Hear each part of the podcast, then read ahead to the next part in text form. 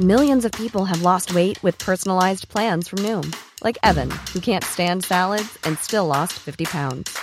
Salads, generally, for most people, are the easy button, right? For me, that wasn't an option. I never really was a salad guy. That's just not who I am. But Noom worked for me.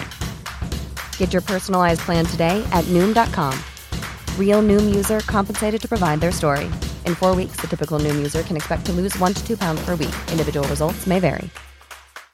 One size fits all seems like a good idea for clothes until you try them on. Same goes for healthcare. That's why United Healthcare offers flexible, budget friendly coverage for medical, vision, dental, and more. Learn more at uh1.com. Everyone knows therapy is great for solving problems, but getting therapy has its own problems too, like finding the right therapist, fitting into their schedule, and of course, the cost. Well, BetterHelp can solve those problems. It's totally online and built around your schedule. It's surprisingly affordable too. Connect with a credentialed therapist by phone, video, or online chat, all from the comfort of your home. Visit betterhelp.com to learn more and save 10% on your first month. That's BetterHelp, H E L P.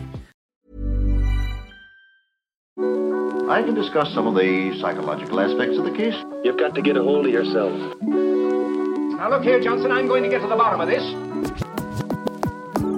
I can discuss some of the psychological aspects of the case. And you're really crazy, you know that? Oh, yes, I remember that. Is this any concern of yours? Stop, stop, stop it now. I mean it. Ja, hei, det er psykolog Sondre Livre her. Diagnosen er dessverre svært alvorlig. Det viser seg at alt og føler er feil. Du må for all del ikke stole på hjernen din, den lyver. Alt du opplever er filtrert via nevroser fra ubevisste avkroker. Hvis du følger nøye med, er det en liten mulighet for at jeg kan hjelpe deg. The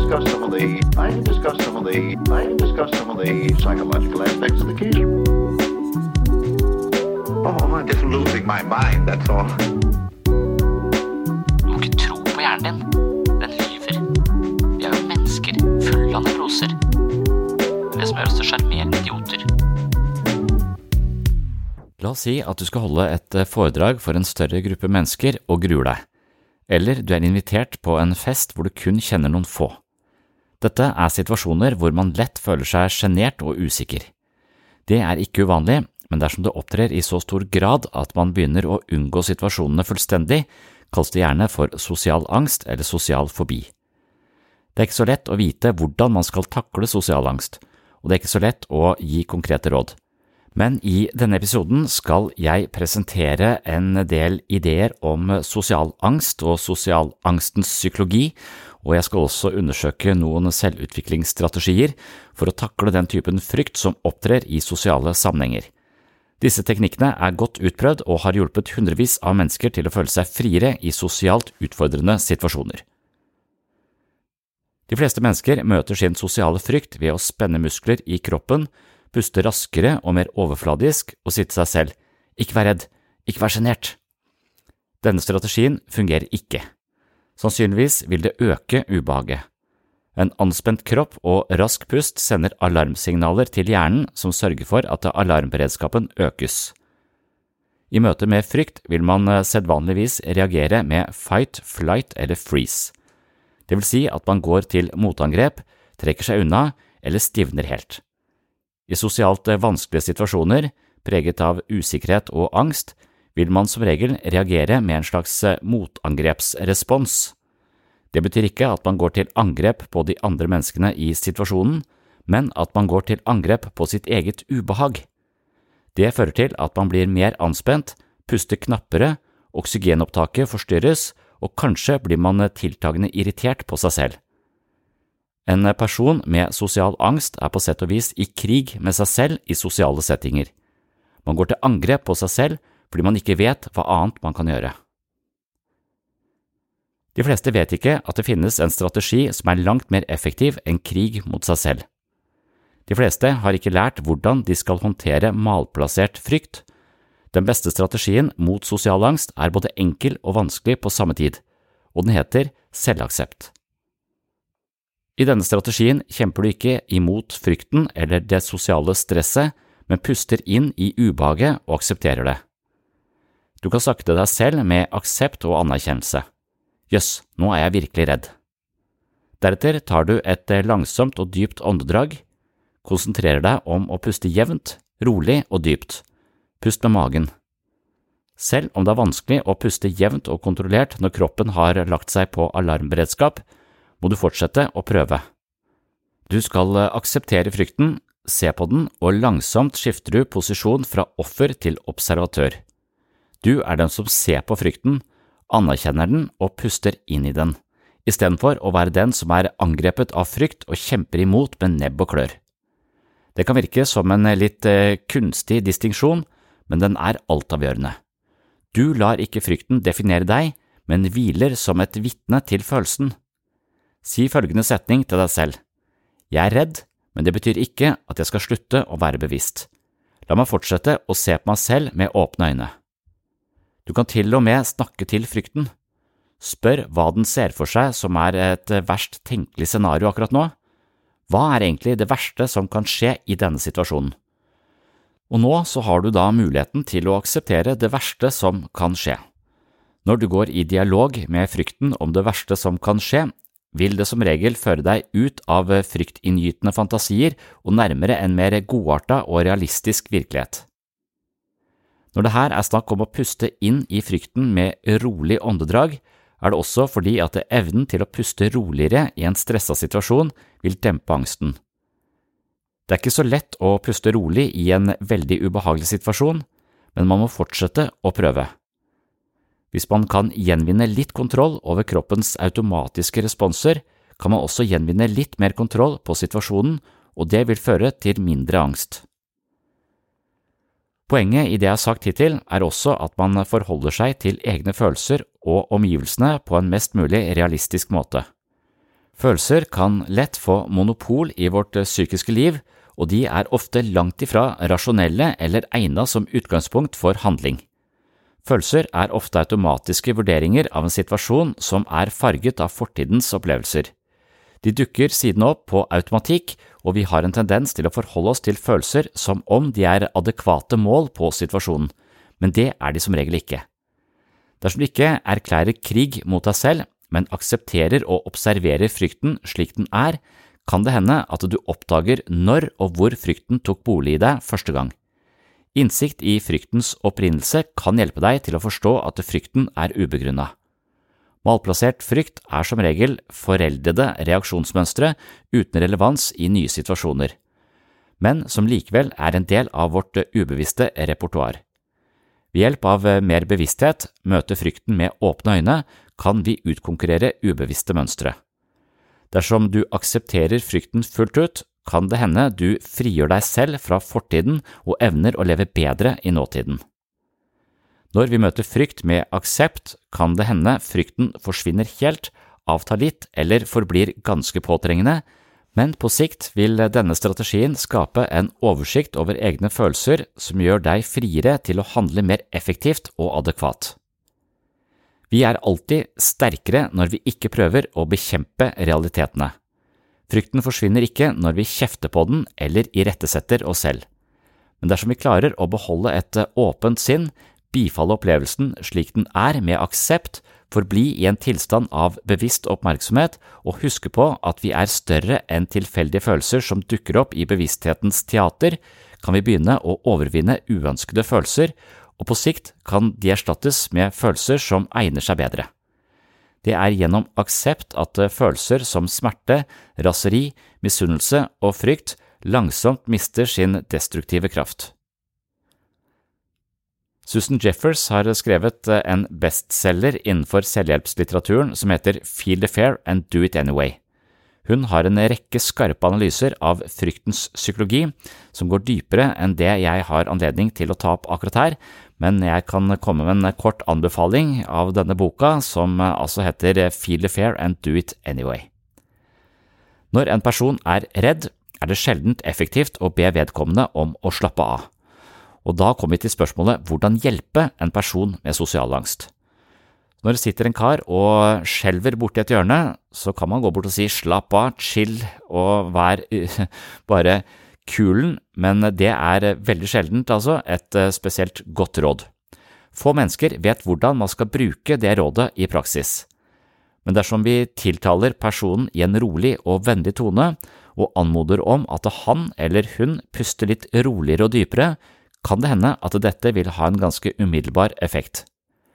Neste skritt er å be personen om å forestille seg hvordan det ville vært dersom de ikke tok opp kampen mot frykten, men bare lot den være. I møte med en person som er overmannet av frykt, er sistnevnte strategier langt mer konkrete enn et råd om å slappe av. Man kan gå videre og be dem om å la frykten få fritt spillerom, gå i dialog med frykten, eller observere frykten med distanse og nøytralitet for å frigjøre seg selv.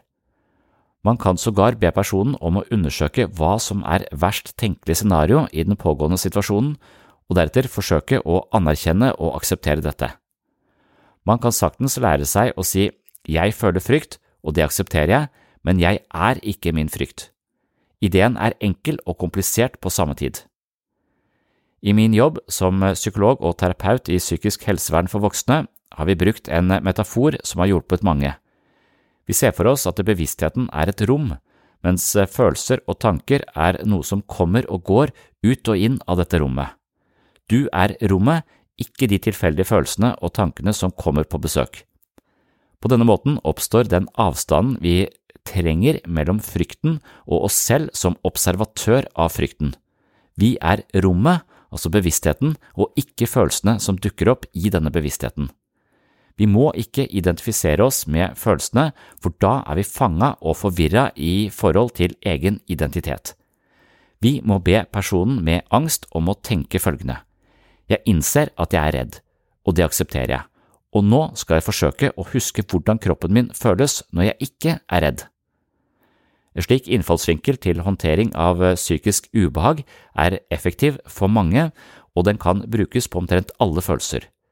Det kan være nyttig hos tannlegen før man skal be sjefen om mer lønn, i forkant av et jobbintervju eller i kamp mot frykt for å bli forlatt eller avvist. Når du lærer deg å akseptere frykt, vil frykten slutte å innvarsle en katastrofe. Frykten slutter å styre deg. Du vil ikke lenger terroriseres av fantasier som løper fryktens tjeneste og tegner opp virkelighetsfjerne skrekkscenarioer. Du føler du har mer kontroll på deg selv og livets små og store utfordringer, og du kan begynne å stole mer på deg selv, noe som igjen vil styrke din selvfølelse. Og selvfølelse er også et sentralt tema knytta til vår mer eller mindre realistiske vurderinger av oss selv. Dersom du er fanga av følelser, er du satt ut av spill og et offer for psykisk automatikk og malplasserte følelser som et ekko fra fortiden. Det reduserer selvfølgelig din følelse av kontroll og herredømme over deg selv, det får deg til å tvile på deg selv og din kapasitet til å leve livet, noe som igjen ødelegger selvfølelsen. Og Det er også tema i dagens episode. Jeg skal snakke om både sosialangst og selvfølelse, og jeg skal også fokusere en del på hvordan skam spiller en rolle i denne dynamikken her sånn, og hvordan skam ofte er en følelse som opptrer ofte hos mennesker som en slags diffus fornemmelse av at vi ikke er like gode som andre, at vi ikke er verdt å elske, at vi ikke er like interessante, like kompetente. Altså, det er noe ved oss som er feil, eller at vi anser oss selv som en type mangelvare, og det er der skammen finner sin grobunn. Og med en gang vi begynner å skamme oss, så vil vi ofte respondere på denne skammen ved å kritisere oss selv. For det er som om vi tror at vi håndterer skammen gjennom selvkritikk, så når vi skammer oss, så begynner vi å piske oss selv, og i den selvpininga der sånn, selvkritiske affæren, så vil vi på sett og vis tro at vi håndterer følelsen og at vi er på ballen, men egentlig så legitimerer vi bare skammen som sier at du er ikke verdig som menneske, og når vi pisker oss selv så bekrefter vi denne beskjeden, og da er vi fanga i et psykisk økosystem som virkelig både fører til lav selvfølelse, men også sosial angst.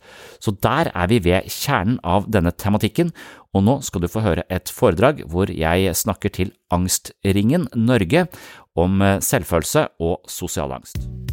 Etter hvert som jeg, nå har jeg tenkt fryktelig mye på dette de siste dagene, og det, det hjelper ikke, for å si det sånn. Tenk på det i sånn form av at du ikke vet hvilken vinkling du skal, eller fordi du overtenker det, liksom? Ja, for at jeg, jeg opplever det, det som uh, så stort, og så at jeg typisk vil nå så mye, så egentlig så har jeg bare lyst til å si minst mulig, heller snakke med deg om det. ja. For at det, det, føles så veldig mye mer som da, da struktureres det av seg selv. Ja. For jeg vet av erfaring at dette er en type tematikk jeg kan uh, vase rundt i, og på en eller annen måte plutselig ikke Fordi jeg har vandra rundt i det så mye, nesten ikke helt klarer å vite hvor jeg skal gripe fatt. da. Men jeg har jo en, en slags kjøreplan, men den er ikke så lang. Så jeg tenker at det hadde vært uh, Altså at det Ja. Men det er 25 minutter eller 20 minutter er ikke så lenge heller, så det er tida går Ja. Hvis, du, hvis du føler at du vil ha inn Per Robert etter ti minutter, så bare så bare, ta, så bare si Hva skal du da? Si fra til Eirik da, at uh, Eirik, du, for skal du og Eirik presentere Per Robert etter at uh, ja. ja. Så da kan du bare si til Eirik Eirik, du var det ikke sånn at vi hadde med oss en til her i dag? Mm. Så, så du, du kan bare holde på så lenge du føler for på egen hånd, og så ta inn Robert. Ja, og føler du at du har lyst til å si mye, så er det bare å kjøre videre. Ja. Jeg ser åssen jeg, jeg vil nok helt klart oppleve det som enklest å, å, å snakke om tematikken. Men uh, uh, så, så da si, sier jeg litt av det jeg tenkte å si, og så ser jeg om det fører i en, eh, en fornuftig retning, og så Ja, kaller er jeg på Ja. Så kjører, kjører. Ja. Men så kaller jeg da på Per Robert hvis, eh, hvis det Eller når jeg tenker at det, det er fornuftig. Ja. Så jeg vet ikke om du For du, du vil bare du, du bare henger deg på der vi slapp, Per Robert. Det er sånn du tenker? Eh, Ja, eh, altså, ikke sant Jeg eh, Det jeg har tenkt litt, det er jo, det er jo noen eh, ting som på en måte jeg føler er litt sånn eh, Som er et sånn tematikk hvor ikke sant, Her har vi lav selvfølelse og sosial angst. mm. Og så er jeg veldig Jeg er litt sånn at hvorfor skal vi alltid sette merkelapper på forskjellige ting, når mange av disse tingene her egentlig handler om eh, utfordringer i eget hode, da, og hvordan du, du forholder deg til det. Eh, det har jeg lyst til å si noe om at liksom dette med å sette diagnose på ting Jeg er jo veldig imot det. da. Nå er jo du psykolog, da, men Mm. jeg, jeg, jeg syns ikke jeg, jeg tenker sånn at jeg vil jo ikke forandre meg Altså, Jeg ville kanskje forandre meg til det verre hvis jeg hadde fått en haug med diagnoser. Og jeg, jeg er helt sikker på at jeg tapper innpå flere av dem, for å si det sånn. Mm. Ja. Det er helt, eh, helt enig i. Så det er jo de narrativene vi, vi har om oss selv, kan jo binde oss til litt snevre forklaringer. Det er liksom det er språkets utfordring, nesten. For psykologien handler jo om å sette et mer nyansert språk på ting som kanskje bare er en stor klump. Eksempel det jeg tenker å snakke en del om skam. Og hva er forholdet mellom skam og skyld, eksempel? Og da er det nesten Språket må liksom hjelpe oss litt til å finne hode og hale i en sånn diffus følelse av skyld, som, eh, som ofte ligger i, i bunnen av uh, mye lav selvfølelse, og så kan det virke som skammen spiller på lag med sånn selvkritiker. og Dette er jo noe vi alle kjenner, eh, kjenner til. Men hvis vi da får en, en merkelapp på det, panikkangst f.eks., så er jo det ofte noe man forbinder med en type medisinsk tilstand som uh, har en biologisk forankring, som det selvfølgelig har i hjernen, for alt er jo biologi på sett og vis, men, uh, men jeg er også litt uh, ute etter den ideen om at dette, dette, er noe som må vekk, eller dette er noe som er feil, dette er noe, denne angsten vil jeg ha vekk. Og jeg tror det er hele den ideen om å prøve å løpe fra smerten som kronifiserer smerten. Da. Det har jeg snakket mye om, så, så det ligger jo også i, i, denne Ja, i den tematikken i dag òg, enten man det vrir, uansett hvordan man vrir og vender på det. Så, så, jeg tenker at språket kan jo åpne horisonten min. Jeg kan få et rikere, få rikere forståelse av meg selv hvis jeg leser treffende beskrivelser av indre liv. Men så kan jeg også binde meg til det forklarer meg, men som er en, kanskje en, si en biologisk forklaring, så, så binder jeg meg litt fast til en, en type, et type narrativ som kanskje heller sparker meg i en retning som ikke tjener meg på noe særlig god måte. Da. Jeg mener jeg akkurat leste en uh, god artikkel om dette i Morgenbladet. Vi Ja. om dette her. Ja.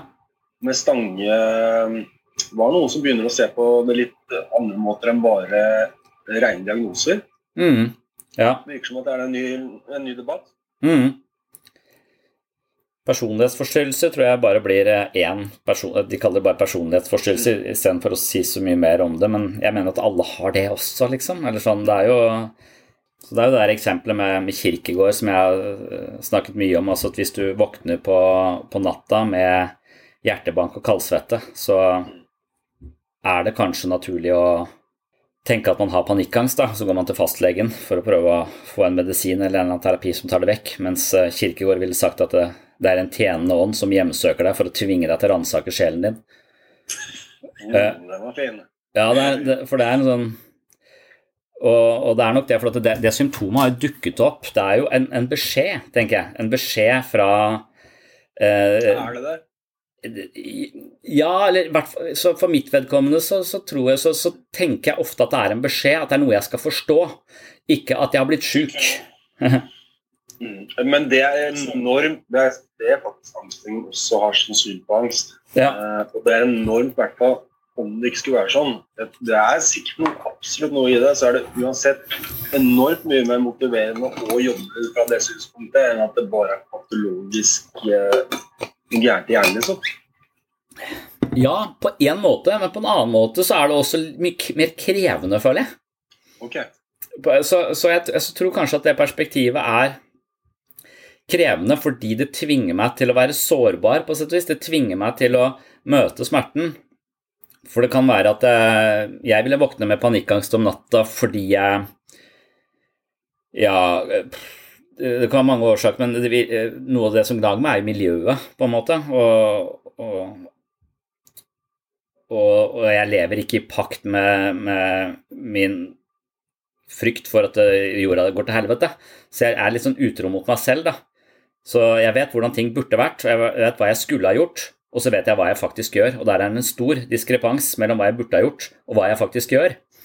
Og det er nok en slags svik av meg selv eh, og mine egne verdier som jeg tror eh, når du eh, Som jeg bare med hjelp av kognitiv dissonans da bare forholder meg ikke til den klimaangsten når jeg ikke kildesorterer. Så, så det kan være mange ting, men, men jeg, jeg, tenker at det skal være med en slags invitasjon til en eller annen undersøkelse. Mm. Du, du toucher inn på noe. ikke sant, Det ordet det har du jo sagt før også, det med å være utro mot seg selv. da, og, og hvis, mm. Ikke sant? Uh, jeg, jeg, vet ikke, jeg har ikke, jeg har ikke noe fagkunnskap. altså Jeg kjenner meg selv til en viss grad uh, ganske godt. Men jeg tenker at i, om man har lav selvfølelse eller sosial angst eller noen som helst angsttyper, da, ikke sant, at man når når jeg skal finne noe som fungerer på, for meg, så må jeg først og fremst være ærlig mot meg selv. Og så, og så kan jeg jo selvfølgelig gå til en psykolog og få, få den retningen som den psykologen tror på. Jeg, jeg, har liksom Altså, jeg vet ikke, med, med, piller så kan du sikkert gjøre noe med hjernen som på en måte virker sånn noenlunde likt da, på, på, mange, men, men, når det gjelder eh, f.eks. sosial angst, da, så, så er jo litt prisgitt at akkurat det som gjøres, fungerer for deg. da. Og da, da tenker jeg det er med, med, å være utro mot seg selv at sant, hvis du da hvis du ikke tør å si fra, eller du ikke tør å gå nok inn i deg selv, så havner du liksom i en sånn hva skal jeg si, en sånn psykologisk spiral og rundt deg sjøl som egentlig du håper at noen skal finne noen svar som du egentlig sitter med selv. da. Men psykologen kanskje han kan få deg på det rette sporet, eller å få deg til å tenke Eh, i riktig bane. da. Mm. Ja, jeg tror en av bivirkningene av terapi er hvis man eh, Det er en grunn til at vi unngår oss selv, og det er en grunn til at vi er ikke helt tro mot oss selv og prinsippene våre, for det er vanskeligere å leve sånn. Det er noen følelser og erkjennelser vi ikke orker å stirre i hvitøyet. Det er liksom Freud sin idé at det er, noen, det er noen dyriske krefter i oss som vi helst ikke vil eh, konfrontere, og vi vil heller ikke akseptere at vi har de, og vi vil fornekte de. Eh, og, de holdes i sjakk av sånn tynn hinne av kultur som liksom prøver å eh, kultivere oss inn i og, og da har vi skam som en sånn regulerende følelse eh, som sørger for at vi ikke handler på alle disse, disse impulsene. Så, så, så, det er jo mange krefter eh, i oss som vi bruker mye energi på å holde unna. Mange av de kreftene kjenner vi ikke engang. Så da er man jo ikke nødvendigvis utro engang. Man, man, bare kjenner ikke helt sin egen motivasjon. Uh, og, og, og, det å da våge å gå den veien, så tror jeg noen kan gå i terapi for å få et svar som er litt enkelt å forholde seg til. Nei, men det er helt vanlig og sånn. Nei, altså, et eller annet som bare virker fortrøstningsfullt, da, men som egentlig ikke gjør noe annet enn fungerer som Sobril, at det lindrer smerten litt der og da. Men, eh, men nesten alle sånne skrekkfilmer som jeg tenker er symbol på det å leve med angst, eller leve et liv, og alle har den, en grad av det, for å komme seg helskinna gjennom en sånn film uten å dø i løpet av de første 30 minuttene, så er du nødt til å konfrontere det faenskapet som løper etter det. Og, og, det er jo litt sånn eh, hele den eh, Ja. Ja, jeg har selv prøvd på tunge stunder å lese begrep angst av Søren Kirkegård, og det er kanskje ikke den eh, enkleste veien å gå for. Nei. Nei.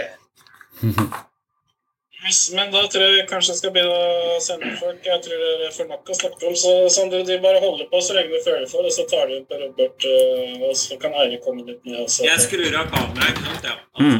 ja. Altså, hvis dere nå eh, begynner å mute dere og skru av video, så begynner jeg å slippe folk. Og så skrur dere på igjen selvfølgelig når dere skal begynne å snakke. Så først presenterer Eirik meg, og så får Eirik ordet, og så presenterer Eirik Sondre, og da skrur du bare på kameraet. Eirik begynner å presentere det. Ja, supert. Yes.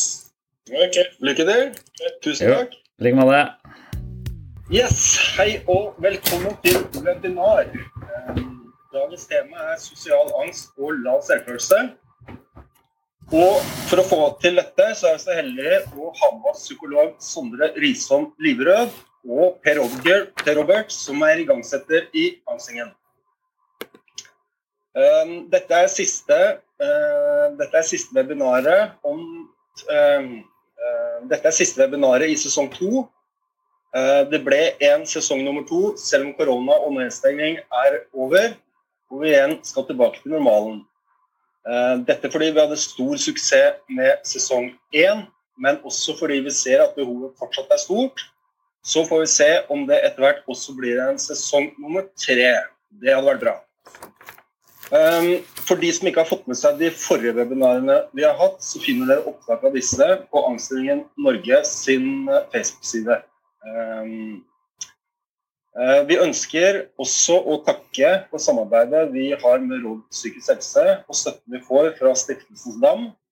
Uten disse så kunne vi ikke holdt disse webinarene. Så tusen takk for det.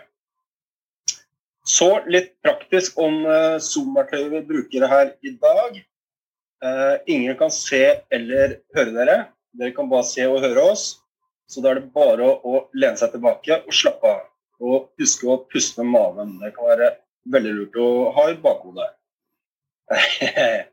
dere kan, uh, vi har også en chat i dag uh, som dere kan stille spørsmål på underveis. Vi har noen som sitter og svarer på det. Uh, og hvis vi får tid, så skal jeg uh, lobbe noen av disse spørsmålene inn på slutten uh, og stille noen av dem til Sondre.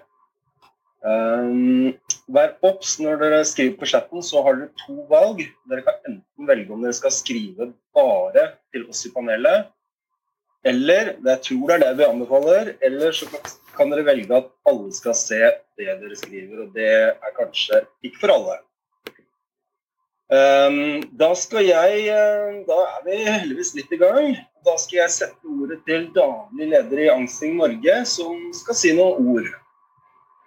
Vær så god, Sigurd. Takk skal du ha. Hei og velkommen. Det er fint å se at så mange deltar på webinaret. Det var omtrent 500 påmeldt sist jeg sjekka nå nettopp, og det er veldig bra. Jeg tenkte jeg kunne benytte anledningen til å si litt om angstringen. Angstringen ble starta i 1986, så vi har holdt på i 36 år. Vi er en frivillig organisasjon som starter opp selvhjelpsgrupper for personer som sliter med angst. Og siden vi er en frivillig organisasjon, så er det også gratis å delta i gruppe.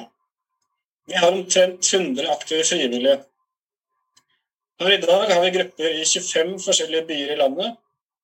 I tillegg starter vi opp egne videogrupper, så man kan også delta i grupper hjemmefra, uavhengig av hvor man bor i landet. På landsbasis starter vi opp omtrent 50 nye grupper i året. Ved oppstart så pleier vi å starte opp med mellom 8 og 10 deltakere i hver gruppe. Gruppene møtes to timer en gang i uka og blir startet opp av frivillige. Hvis du er interessert i å bli med i gruppe, så ta gjerne kontakt med oss på e-post eller telefon.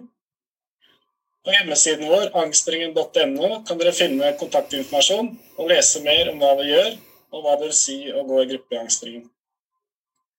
Og som Erik sa, så kan dere også stille spørsmål eh, på chatten underveis, så skal jeg prøve å svare litt fortløpende, og så kan vi ta noen eh, spørsmål på slutten av webinaret i plenum og satser på at vi får tid til det. Bare vær litt obs, som Erik sa, på at dere kan velge om dere skriver til alle i, som følger webinaret, eller bare oss i panelet.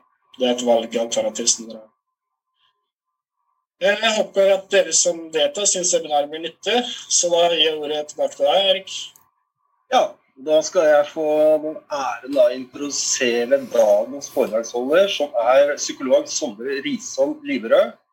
Um, til daglig har jeg funnet ut at han jobber som terapeut og teamleder ved poliklinikk for uh, gruppepsykiatri på Sørlandet sykehus.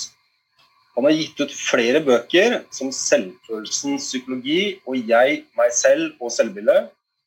Han driver også nettstedet webpsykologen.no, som stadig vokser i innhold.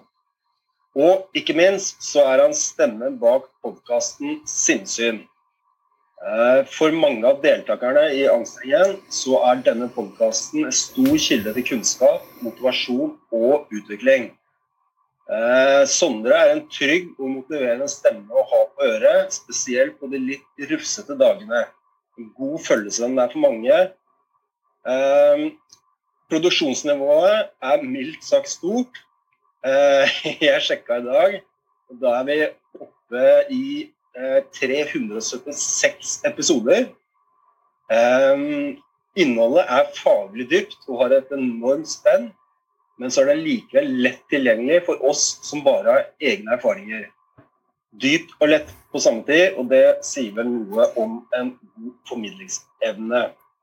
Så jeg har også sett, og som jeg er veldig nysgjerrig på, at siste, han har ikke gitt seg her, siste prosjektet hans eh, er at han nå også har lagd en ny app Eh, som jeg skjønner samler et veldig stort innhold eh, av både kunnskap, tips og triks, som jeg liker å få.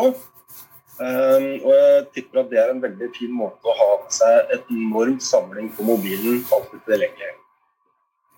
Så for å oppsummere dette, før jeg setter ordet videre, så må jeg si at vi her har, vi har noe å gjøre med en ekte ildsjel. En som virkelig brenner for faget, og som utgjør en stor forskjell for veldig mange der ute. Da setter jeg ordet videre til Sondre. Vær så god, Sondre. Tusen takk. Tusen takk for uh, invitasjonen. Det er jo noe jeg har uh, sagt mye nei til i det siste, fordi jeg føler at pulsen min øker i takt med antall deltakere på seminaret. Så når vi var sånn oppe i 106, tenker jeg nå er pulsen og antall deltakere her inne akkurat lik. Men 212 kan jeg ikke ha i puls, for da, det, det, så høy puls tror jeg ikke jeg, jeg, kan komme opp i. Men det er noe litt eh, Noe litt sånn eh, en, Jeg føler det er en høy risiko å, å utsette seg for eh, andres, eh, andre menneskers blikk ofte. For hvis man har en grad av eh, skam og usikkerhet, så er det en ganske krevende situasjon. Og jeg har jo egentlig trodd at eh, jo mer jeg gjør det, jo lettere blir det. Og så er det motsatt. Det er eh, Det er rett og slett at jo mer jeg tenker at jeg har eh, Altså at jo, jo mer jeg gjør dette her, jo mer urolig blir jeg for hver eneste gang. Og jeg tror det er fordi eh, jeg rett og slett etter hvert bare vet mer og mer om hva jeg ikke kan, og kjenner veldig mye sterkt på hva jeg ikke kan.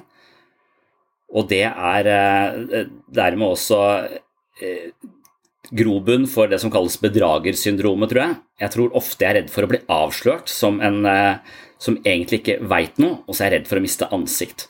Og Jeg tror det er litt eh, tematikken eh, min for i dag også. Jeg har jo tenkt mye på selvfølelse og skrevet mye om selvfølelse. Såpass mye at jeg kan gå i surr når jeg skal snakke om det, så, så det kan jeg ofte gå meg vill i. Derfor så vet jeg at jeg har eh, Per Robert i bakhånd som skal hjelpe til og heller eh, engasjere oss i en samtale etter hvert. Nå skal jeg innlede litt av å si noe om eh, selvfølelse og si noe om sosial angst. Og forhåpentligvis da mer om det etter hvert som vi får til en samtale her, og kanskje svare på noen spørsmål fra de som deltar også. Men der jeg hadde tenkt å begynne, som jeg opplever er en god historie som jeg har fra en som heter Eirik eh, Hørte, i, eh, som skriver. Han er psykolog et eller annet sted i landet. Jeg har aldri møtt han, men jeg har eh, så vidt hatt noen kontakt med han over, over nett. og Han er, skriver en del for psykologisk.no. Og han eh, har en artikkel som handler om grusomme meg. Og det syns jeg var et godt utgangspunkt for eh, det jeg tenkte å snakke om. Altså det å slite med en eller annen form for underliggende følelse av tilkortkommenhet og alle de tingene vi gjør for å skjule det for omverdenen, og hvordan det skaper avstand til andre mennesker og ensomhet, og ikke nærhet og forståelse som vi kanskje trenger. Så det er jo liksom eh, paradokset her, at eh, vi ofte føler oss tilkortkomne. Det prøver vi å skjule, og når vi prøver å skjule det, så spiller vi en eller annen rolle, et eller annet eh, skuespill, og det gjør det mellommenneskelige ganske anstrengt, og det krever mye av oss, og dermed også føler vi oss ofte aleine blant mennesker. Så det er det veldig mange årsaker til, og det tror jeg liksom er kjernen i psykologifaget. Å finne ut av hvordan vi eh, kan bli mer av oss selv, eller bli oss selv fullt og helt, uten å måtte ha på oss masse masker eller være full av eh, frykt og usikkerhet hver gang vi beveger oss litt utenfor eh, komfortsonen. Så det Eirik Hørte skriver om i denne artikkelen 'Grusomme meg', det er en, et skirenn når han var barn. Det er et påskeskirenn, tror jeg, og det kjenner jeg godt igjen. For jeg husker også sånne skirenn eh, som liten. Og da var familien samla, de skulle gå på ski. Og så er det en konkurranse, og han har litt troa på at han skal vinne denne konkurransen. Men eh, det gjør han ikke, for det er kusina hans eh, som, som vinner. Og det som da skjer når løpet er ferdig og kusina får premie, er at han først føler seg veldig trist fordi at han ikke har vunnet. Og så eh, får han en følelse av misunnelse fordi kusina hans faktisk vant. Og her kommer det et sånn psykologisk begrep inn, for det er, det er noen som snakker om at vi har en primærfølelse, og så har vi en, sekundær, en sekundærfølelse som ofte legger seg over primærfølelsen. Og det kan bli et uh, problem. For uh, vi har ofte noen fordommer mot ulike følelser, og jeg tror de fleste av oss er ganske sånn strenge med oss selv. Jeg tror vi har en hel haug av føringer på hva som er greit å føle, hva som ikke er greit å føle, hva som er greit å tenke, hva som ikke er greit å tenke. Så vi har jo egentlig ikke et tankepoliti i Norge, men jeg tror hver og en av oss ofte fungerer som vårt eget tankepoliti, og at vi har en indre kritiker som sitter og peker finger hvis vi tenker eller føler noe som vi syns er moralsk eller eh, på en eller annen måte uakseptabelt. da. Så det han eh, kjente på, var at det å være misunnelig, det er ikke greit. Det står til og med om det i Bibelen at det ikke er noe særlig. Og misunne, det ligger jo prefiks der også, at det å ikke unne noe noe, miss og ikke unne noe noe, det er ikke en spesielt eh, attraktiv følelse å ha overfor mennesker du f.eks. er glad i. Så det som skjer, er at han eh, begynner å skamme seg over at han har følelsen av misunnelse.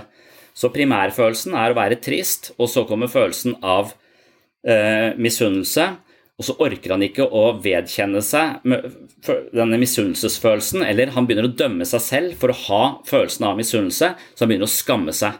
Og skammen har én funksjon, den skal prøve å skjule den opprinnelige følelsen. Skammen skal prøve å skjule oss, sånn at vi ikke skal avsløre hvem vi egentlig er på innsiden. Så Det er liksom grusomme meg-konseptet. Så det som skjer, er at han begynner å grine fordi han uh, blir så skamfull, og så løper han av sted. Og dette her er på premieutdelinga på ettermiddagen, så har de pynta seg greier. Så han løper nedover gangen, uh, og så hører han at kusina kommer løpende etter. Og ikke bare det at hun er raskere enn han i skisporet, hun er også raskere enn han eh, til beins. Så hun tar han igjen, og han merker at kusina kommer tettere og tettere på. Og han skammer seg, og han merker at tårene presser, eh, presser på. Så han, eh, han, eh, med vilje tar armen sin inn i veggen, sånn at han får et skrap på armen. Sånn, sånn at han begynner å blø på armen. For å, eh, for å ha en grunn til å gråte, for å legitimere sin egen gråt, for ikke å bli avslørt. Så setter han seg ned, og så kommer kusina over ham, og så, og så, spør hun hva er det for noe. Og så sier han jeg har fått vondt, jeg, jeg slo meg i, i armen. Eh, og, og, så sier hun jeg tror ikke jeg tror ikke det er fordi du har vondt, jeg tror det er misunnelig fordi du tapte. Og akkurat i det momentet der sånn, så tenker han nå er jeg avslørt. Hun ser rett gjennom meg. Nå skal alle få vite hva slags grusomt menneske jeg egentlig er. Men det som skjer, da, er at han, eh, hun eh, ser på han. Istedenfor å dømme han, så går hun bare bort til han og gir han en klem. Og da begynner han å gråte av en helt annen årsak, og da skriver han at de tårene som nå renner fra kinnene hans, det er den typen tårer som renser sjelen til et menneske. Så det er som om hun aksepterer at han eh, misunner henne seieren, men hun liker han likevel. Så hun møter han med aksept, hun tar imot dette her på en sånn måte at han kan akseptere seg selv. Det er vel litt det man kan snakke om en slags type ubetinga kjærlighet, eller det å, det å, bli akseptert og det å akseptere eh, seg selv. Så jeg syns det, det, er en sånn uh, ganske rørende historie, men jeg syns det er en fin historie. Men jeg tror også det peker på hvor mange sånne sekundærfølelser vi har, som ofte ligger over primærfølelsene våre. Og primærfølelsene våre er viktige å kjenne til, for de eh, forteller oss veldig mye nyttig om hva slags behov vi har i en gitt situasjon. Og hvis primærfølelsene hele tiden druknes i noen sekundærfølelser fordi vi syns det er sosialt uakseptabelt eller ikke vil vedkjenne oss disse primærfølelsene, så, så vil de hindre oss i å få dekt behovene våre. Så når vi er triste, så trenger vi trøst. Når vi er sinte, så har vi behov for rettferdighet og selvhevdelse. Når vi er redde, så har vi behov for trygghet. Men sekundærfølelsene de legger seg ofte oppå der og har en tendens til å få oss da lenger vekk fra disse behovene. Eh, og det er et problem. Det å få trøst, f.eks., det kan være Vi kan assosiere det med det er noe som barn skal ha, ikke jeg som voksen person trenger ikke det. Så jeg tror vi har en ganske streng dommer over hva vi kan og ikke kan føle. Så en ting er at vi føler noe, det som er verre, er at vi føler så mye om det vi føler. Så denne metafølelsen som ofte er problemet, og der er ofte iblanda en del skam som sørger for at vi skal prøve å skjule oss og trekke oss eh, tilbake. Så, så, jeg tror skam kan være både en primærfølelse og en eh, sekundærfølelse, i den forstand at eh, noen mennesker har en skam i bånd de føler seg av en eller annen diffus årsak ikke verdig som menneske, ikke verdt å elske. Eh, det er det skammen forteller deg. Et eller annet ved deg som ikke er verdt å, å elske, men veld, ofte veldig vanskelig å sette fingeren på. Så Derfor så er det bare en sånn indre, indre gnagende følelse. Og når noen kommer for tett på deg, så reagerer du med en sekundærfølelse som sinne og skyver folk unna. Du må ikke komme for nær meg, for da ser du meg. Så da har du sinne som døyver denne, som, som bare skjuler som døyver skammen, men av og til så vil skammen også komme hvis du blir sint, så skammer du deg, for det, det, å være sint det er også en litt sånn sosialt uakseptabel følelse. Så skammen, eller skyldfølelsen, kommer og legger seg som et lokk over sinnet, noe som gjør at du drukner på sett og vis eh, denne drivkraften som er i selvhevdelse og det ønsket om å oppnå en eller annen form for rettferdighet. Så Noen ganger så har du sinne i bånn, og skam oppå. Andre ganger så har du skam i bånn og sinne på toppen. Og Dette her tror jeg er ganske vanlig hos mange mennesker, som fører til en sånn type indre konflikt som gjør, uansett hvor man vrir og vender på det, at primærbehovene våre ikke blir dekt. Og det tenker jeg er et, et stort, et stort pro problem. Og det er mange varianter av dette her. Men eh, sånn jeg eh, ser det, og for å poengtere det overfor folk, så sier jeg av og til at eh, i min jobb så møter jeg mange psykopater. Og det er ikke sant, for det, det er ingen i psykisk helsevern, det er i hvert fall et bitte lite fåtall, som får en eller annen dyssosial personlighetsforstyrrelse. For det, den typen mennesker ønsker ofte ikke hjelp. De, de, som er skikkelig narsissistisk eh, orienterte, de tror at de er bedre enn alle andre. De tror ikke at de, de får noe hjelp av noen andre. Derfor så, derfor så, dukker de egentlig ikke opp i min jobb da, på, et, eh, på et DPS, et vanlig distriktspsykiatrisk senter. Men likevel så mener jeg at eh, de fleste av menneskene jeg møter, har psykopatiske tendenser fordi de har et såpass trakasserende forhold til seg selv. Og det syns jeg er, eh, og det tror jeg også kommer litt av denne, denne dynamikken her, sånn at man, han har en indre kritiker som hele tiden er på og får deg til å føle deg, eh, deg dårlig. Så de behandler seg selv med veldig lite respekt og veldig lite raushet, mens de behandler andre mennesker med stor grad av raushet og forståelse og aksept. Så, men for meg så spiller det ikke så stor rolle om eh, altså en, Jeg vet at en vanlig psykopat er slem mot andre mennesker. Nå slenger jeg rundt psykopatbegrepet, det er sånn mer amerikansk å bruke det, men la oss si dyssosiale mennesker, eller dyssosial personlighet, altså de er ofte slemme mot andre mennesker. De menneskene jeg møter, er veldig sjelden slemme mot andre, men de er et rasshøl mot uh, seg sjøl. Så hvis du hadde hørt måten de tenker på, måten de snakker til seg selv på, så, så virker det som om, uh, som om de har uh, Ja, det er rett og slett så slemt. Og jeg tenker at du kvalifiserer litt for å, være, for, å, for å, tas på det der, enten du er slem innover eller du er slem, slem utover. Og det, det, tror jeg det er mange mange årsaker til, at vi, at vi har en hel haug av holdninger til oss selv som rakker ned på oss. Det kan være at uh, vi har opplevd mye kritikk, og noen vil jo si at uh, sånn som Vygotsky f.eks., som en sånn russisk, fra en sånn russisk psykologiskole, mener at mennesker er dialogiske, så i den forstand vi utvikles som mennesker, så er det bare fordi vi gjenskaper de dialogene vi har hatt med andre mennesker i oss selv. Vi internaliserer disse stemmene, og så blir de stemmer som også snakker til oss selv om oss selv. Så vi internaliserer de eh, dialogene vi har hatt med viktige omsorgspersoner, og så gjentar vi på en måte tonen i den dialogen når vi reflekterer. Og Hvis du da har møtt masse kritiske folk, så er det sannsynlig at du også har masse kritiske stemmer som flykter inn i, eh, i hodet ditt og forteller deg at du ikke er, eh, er, god nok. Så man kan tenke seg at man har, Og så har du kanskje noen som har eh, gitt deg en eller annen type oppmerksomhet og, og, og kjærlighet som er ubetinga, så det kan være en stemme som veier opp, opp for dette. Og så er det mange som opplever at de, de, har fått en tilbakemelding på hvem de er, og at de er gode nok hvis de presterer sånn og sånn, eller gjør sånn og sånn. Så for dem å ha en verdi som menneske handler om at de må prestere på en eller annen bestemt måte, for det er det som gir de verdi som menneske. Og da er på en måte hele selvfølelsen din og hele livsprosjektet ditt avhengig av å prestere på en eller annen måte for å føle deg god nok. Så her er det så mange muligheter for at det dukker opp kritiske stemmer i vårt indre liv som på en eller annen måte rakker ned på oss, og disse her går vi eh, rundt med, og de er på oss hele, hele tiden. Da.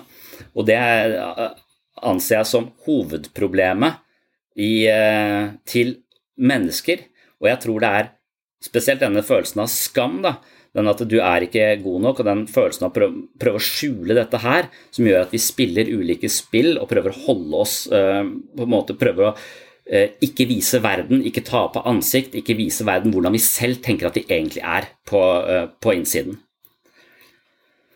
Og, og, der oppstår det kanskje dette man man f.eks. har kalt da, bedragersyndrom, som jeg tenker litt at jeg, jeg, har. Og jo flere Det er litt sånn paradoksalt, syns jeg, for jo mer jeg vet om meg selv, jo mer jeg ladder dybden i meg selv, jo mer vet jeg også litt om mine egne skyggesider. Øh, og hvis jeg har en indre kritiker som rakker ned på disse skyggesidene, så, så vil jeg kanskje ofte oppleve et behov for å skjule meg, eller øh, frykten for å tape ansikt kan bli litt, øh, litt større. Derfor så tror jeg selvinnsikt er litt eh, dobbelt. Hvis du først skal ha eh, mye selvinnsikt, så må du også være raus med deg selv. Du må være snill mot deg selv. Du må være vennlig innstilt til deg selv. One size fits all seems like a good idea for clothes until you try them on. Same goes for healthcare. That's why United Healthcare offers flexible, budget-friendly coverage for medical, vision, dental, and more. Learn more at uh1.com. Cool fact a crocodile can't stick out its tongue. Also, you can get health insurance for a month or just under a year in some states. United Healthcare short term insurance plans, underwritten by Golden Rule Insurance Company, offer flexible, budget friendly coverage for you. Learn more at uh1.com. Planning for your next trip? Elevate your travel style with Quince. Quince has all the jet setting essentials you'll want for your next getaway, like European linen, premium luggage options, buttery soft Italian leather bags, and so much more. And is all priced at 50 to 80% less than similar brands. Plus, Quince only works with factories that use safe and ethical manufacturing practices. Pack your bags with high-quality essentials you'll be wearing for vacations to come with Quince. Go to quince.com/pack for free shipping and 365-day returns. Uh, og lav selvfølelse, det går nok uh, på uh, en følelse av skam, at du er ikke god nok i bunn, og skam spiller på lag med denne indre kritikeren. Og jeg tror nesten det er sånn at når man skammer seg, så tror jeg at man nærmest altså, også mater denne indre kritikeren, for jeg tror nesten at vi mennesker tenker at det, hvis jeg rakker ned på meg selv, så, er, så håndterer jeg skammen. Som om det å på en måte Den måten å løse følelsen av ikke være god nok på, den eh, løsningen er rett og slett å kritisere seg selv, for det fortjener man. Så, så, så denne Det er nesten sånn som jeg tenker med, med en del Nå er det jo angstringen og det å, det å forstå angst også, at det kan være litt sånn at det, når vi mennesker føler en ubehagelig følelse eller har et problem, så kan angst eller grubling og bekymring nesten virke litt som en avhengighet. Så vi tror at eh, hvis jeg har en ubehagelig følelse, så kan jeg jo drikke seks øl, så er den ubehagelige følelsen vekk ofte. Da har jeg fått masse andre følelser som er vanskelig å håndtere, eh, og mye dårlig samvittighet som jeg må håndtere dagen etter, men der og da så kan det hjelpe litt. Men, eh, men det å håndtere hvis jeg har en eller annen ubehagelig følelse, og med en gang jeg begynner da å nesten som om grubling og bekymring kan virke på samme måte, at eh, vi tror vi er på ballen når vi grubler og bekymrer oss for ting, som om det har en forebyggende effekt, som om det er nesten en avhengighet med en gang vi har en ubehagelig følelse, så begynner vi å gruble, for det gir oss en følelse av å være på ballen. Da er vi der vi skal være. Hvis ikke vi gruer oss etter dette her, så, så forsømmer vi en eller annen form for mentalt vedlikehold. Uh, og, og, litt på samme måte tror jeg det nesten er med, med skammen. At det, for å håndtere skammen, så begynner vi å rakke ned på oss selv, for da tror vi at vi gjør det som uh, hjelper. Men det hjelper ikke, fordi det bare på sikt kommer inn i en negativ spiral hvor selvfølelsen din vil lide. Jeg vil si at Skam er som en slags svulst på, uh, på, på selvfølelsen. Og når vi da går rundt med en følelse av at jeg må holde en maske, så er det litt som å være en skuespiller. Eh, og Noen ganger så går vi også rundt med en følelse av å mangle noe, ikke være gode nok, og da kan det vende at vi spiller det sosiale spillet på en sånn måte at vi hele tiden higer etter andres anerkjennelse for å bøte på den underliggende følelsen av tilkortkommenhet. Og da tror jeg at du går glipp av ekte relasjoner. Så da tror jeg at det sosiale livet ditt blir som en transaksjon. Så egentlig så er du der ute i verden og du spiller en eller annen rolle. Noen legger seg helt under og prøver å please andre fordi de er redd for å bli forlatt eller de er redd for å bli avvist. Så de sier aldri det de mener, de prøver bare å gjøre sånn at de ikke blir avvist. Og ofte er den prøve, følelsen av å ja, altså, si det de tenker andre mener de burde si, mene det som andre mener, altså, snakke, altså det å prøve å gjøre seg så unnselig og, og lite konfronterende som mulig, det er den ideen folk ofte har om at hvis jeg er for vrang, så vil folk forlate meg. Så da, da, de, da spiller de en eller annen rolle, men hele, hele, målet med å være så snill og plisende er jo ikke miste eh, den andre. Og, og, da er man ikke egentlig i kontakt med den andre på en sånn genuin måte. Man, man spiller en eller annen rolle for å vinne den andres eh, gunst, på sett og vis.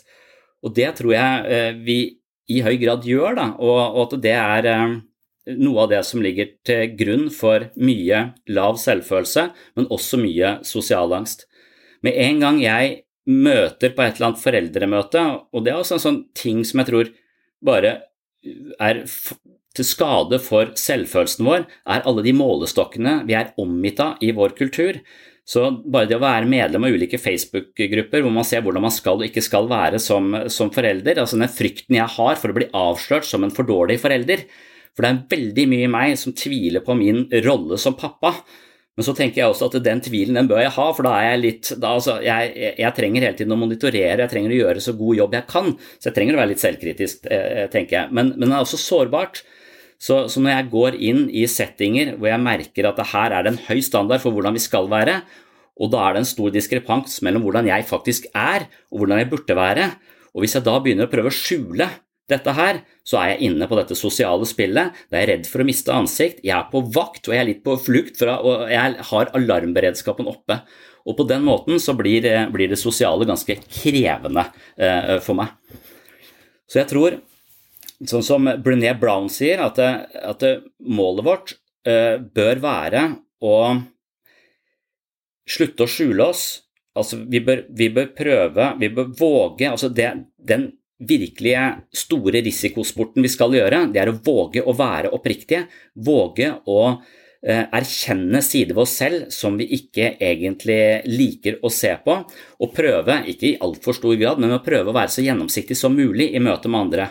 Og Det betyr også at vi kan bli avvist, vi kan bli latterliggjort, eh, vi kan eh, bli sett ned på, vi er ofte redd for hvordan andre dømmer oss, for det dømmende blikket spiller ofte på lag med vår egen kritiker, og så er vi tilbake i en sånn følelse av totalt tilkortkommenhet. Men så tror jeg også at, at dette med hvis du våger sårbarhet, da, som er muligheten for smerte, altså sårbar, det, det, står, det, det, betyr, Hvis du går tilbake til ordets betydning, så betyr det at det, det å våge, eller det muligheten for å føle smerte, og det å da være mer oppriktig og åpen eh, istedenfor å prøve å skjule seg, det tror jeg er eh, den risikosporten vi må bedrive for å, å skape gode relasjoner. Eh, for jeg tror misforståelsen er at det, vi tror at vi må fremstå på en sånn bestemt måte for å bli likt, mens eh, langt de fleste mennesker elsker oppriktighet. Uh, og med en gang de merker at andre prøver å være noe de ikke nødvendigvis er, så prøver de å være noe de ikke nødvendigvis er, og så blir det en, en, vegg mellom mennesker hvor vi blir fryktelig fryktelig alene. Så Det er først hvis vi våger sårbarhet at vi faktisk kan koble oss på andre mennesker og få dekt primærbehovene våre og primærfølelsene våre og skape gode, gode relasjoner. Men altfor ofte så føler jeg også i mitt eget liv at uh, relasjonene mine er tufta på en eller annen form for spill eller en eller annen gevinst og da blir det fryktelig anstrengende å være blant eh, mennesker. Så mitt beste tips mot sosialangst, eh, det er jo å, å, ikke, å tenke at jeg ikke skal bevise noe. For jeg er jo opptatt av å bli likt, for min selvfølelse den henger litt sammen med andres bedømmelse av meg. Så når jeg går på en fest, så tenker jeg nå må jeg vise meg fra min beste side. Nå skal jeg si noe interessant, nå skal jeg si noe dypt, nå skal jeg si et eller annet som de tenker å ja, det var en interessant fyr. Og med en gang jeg har den agendaen, den motivasjonen, så ser ikke jeg det andre mennesket. Jeg spiller et spill om å få mest likes på fest, og da blir også hele prosjektet jævlig slitsomt uh, for meg. Så det gir meg sosialangst. Det gjør at jeg, uh, at jeg, ofte blir veldig selvbevisst, at jeg blir veldig stressa, og at jeg ofte før festen tenker jeg tror ikke jeg orker å gå. Så det å nullstille seg før en fest for meg, det er sånn veldig sånn Nå skal du ikke bevise noe, du skal ikke prøve å bli likt, du skal ikke prøve å score sosiale poeng. Du trenger ikke det for å være verdig som menneske. Du kan bare være der, og så kan du prøve å høre etter og være nysgjerrig på andre mennesker. Og Hvis jeg klarer det, så blir jeg mye bedre likt. For folk liker ikke folk som bare prater om seg selv og er drit opptatt av å bli likt. Og jeg blir en mer oppriktig eh, variant av meg selv. Og så prøver jeg også å våge å si de tingene som ikke nødvendigvis setter meg i et godt lys, men som er litt mer ekte og ærlige om hvem jeg er på innsiden. For min erfaring er at folk ikke dømmer meg da, sånn som jeg dømmer meg selv, men at de faktisk er ganske rause, og så vil de også si at oi, og jeg føler det litt på samme måte. Så istedenfor å bli ledd av, tråkka på eller sett litt rart på, så føler jeg at folk gir meg det samme tilbake igjen. Hvis jeg åpner litt, så får jeg eh, akkurat den samme åpenhet tilbake. Hvis jeg begynner å spille et eller annet spill om å ja, være den beste forelderen, eller, eller, hva slags spill det er, være kulest, eller hva det dreier seg om, være mest kynisk, eller eh, hva det skulle være, så, så, merker jeg at jeg føler meg veldig alene sammen med mennesker, og så føler jeg meg også utro mot meg selv. Jeg føler at jeg ikke lever i pakt med den jeg egentlig er, og da begynner jeg å drømme på natta, og jeg har en helt spesiell drøm som forteller meg at jeg ikke er oppriktig, og den drømmen den, eh, den har jeg hatt med meg hele livet. Eh, og jeg tror det handler om dette med å ikke føle seg god nok, eller føle seg som en bedrager, eller føle at jeg viser verden en falsk versjon av meg selv. Eh, og at jeg driver en eller annen form for skuespill, og at det er slitsomt. Så da minner drømmen meg på at du kan ta av deg maska, prøv å bare å senke skuldrene. Den drømmen den går på at jeg mener Det er to ting jeg drømmer. Jeg drømmer at jeg har muntlig tyskeksamen på videregående, og så, og så var jeg sånn at jeg, jeg eh, hadde lært meg å si en del setninger på tysk. Men jeg kunne ikke prate tysk, egentlig. Jeg kunne en del gloser. Jeg var sånn rimelig grei på skolen, så jeg kunne en del gloser, jeg kunne en del setninger. Men jeg kunne ikke prate flytende tysk, og det følte jeg var kravet da, på muntlig eksamen i sånn eh, spesialisering i tysk. Så det jeg gjorde, var at jeg bare hadde lært meg masse setninger, og på ethvert spørsmål sensor stilte, så svarte jeg med en setning jeg kunne, men som egentlig ikke passa seg inn i samtalen. Så jeg gjorde litt sånn som uh, Trygve Slagsvold Vedum gjør. Altså, Han får et spørsmål, og så svarer han på noe annet som egentlig ikke har noe med uh, spørsmålet å gjøre. Og så tenker folk ja, han misforsto sikkert eller annet. Så, så, på den måten så fikk jeg god karakter på tyskeksamen ved å si ting som jeg hadde bare innstudert på forhånd. Jeg bare, bare sa setninger. Og akkurat det samme gjorde jeg på matteeksamen. På matteeksamen så kunne jeg en del matematikk, Eh, men på slutten av den eksamen så kom det en type jeg tror det var sannsynlighetsberegning, skjønner jeg ikke en dritt av. Men jeg huska hva læreren hadde sagt for 14 dager siden om akkurat det regnestykket som jeg kunne kjenne igjen på tavla. Så jeg tenkte oi, der er det regnestykket jeg ikke skjønner. Da kunne jeg sagt du vet hva, akkurat det der kan jeg ikke, det har jeg ikke forstått. Men istedenfor å gjøre det, så sa jeg akkurat det læreren hadde sagt. Så jeg var som en papegøye som bare gjentok det læreren eh, tidligere hadde sagt.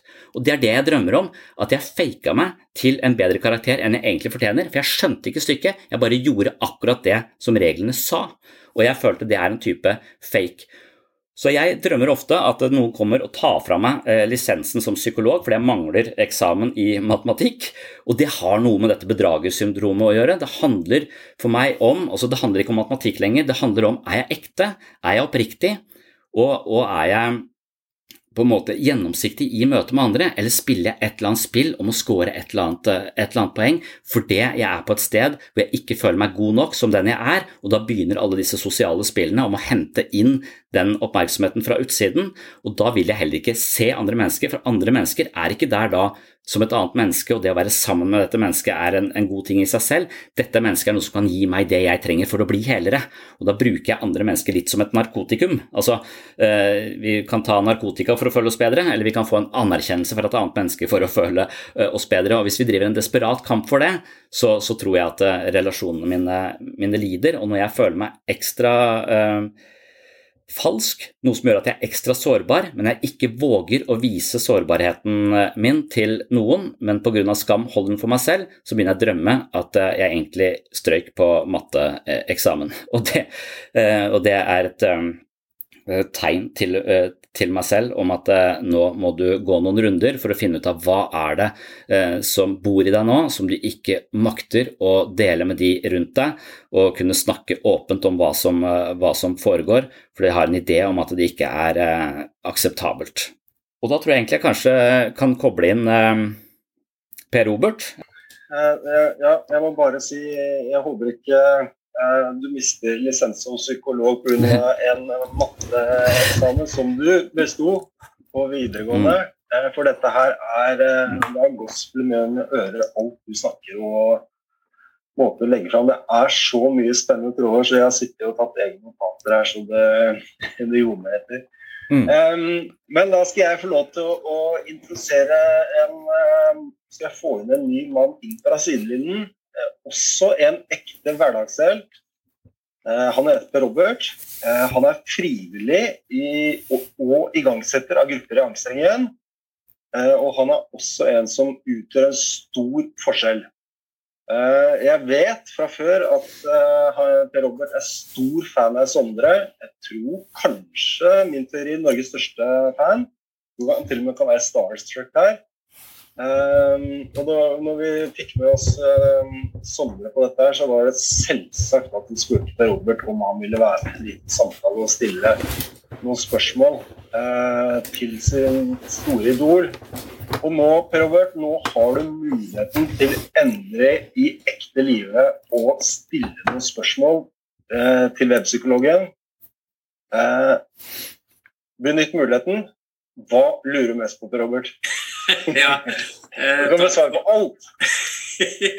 ja, takk for introduksjonen, Eirik. Og takk for uh, gode refleksjoner, Sondre. Du er jo uh, du er en mann av uh, mange ord, og de fleste av ordene som kommer ut, er kloke. Du sa jo helt innledningsvis at pulsen din steg i takt med antall deltakere.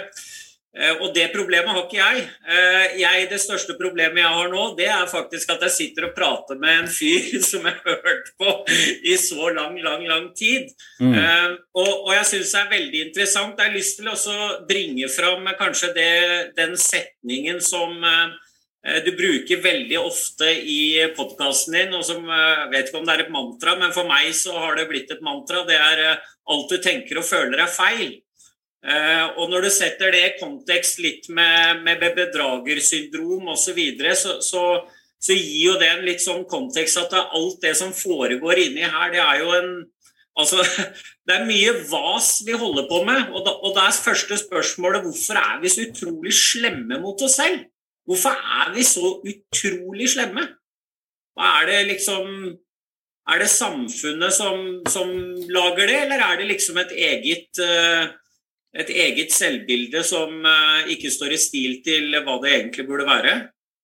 Ja, jeg tror det er mange ulike svar på det, men akkurat det at vi, at vi har en slags forståelse av hvordan ting er, og hvordan det burde vært, det gir oss en følelse av ansvar når vi, når vi lever livet vårt. Og når vi måler oss selv så mye som vi måler oss selv, og har så mange målestokker, så tror jeg følelsen av tilkortkommenhet ligger rett rundt uh, hver eneste sving, egentlig. Jeg mistenker at det også er det som ligger bak en del skolevegring og en del problematikk man ser hos uh, unge mennesker. Fordi at uansett uh, hvilken situasjon du er i, så kan du måle deg opp mot noen som er har gjort det bedre enn deg. Så, så, det er hele tiden eh, muligheter til å føle seg underlegen og mindreverdig.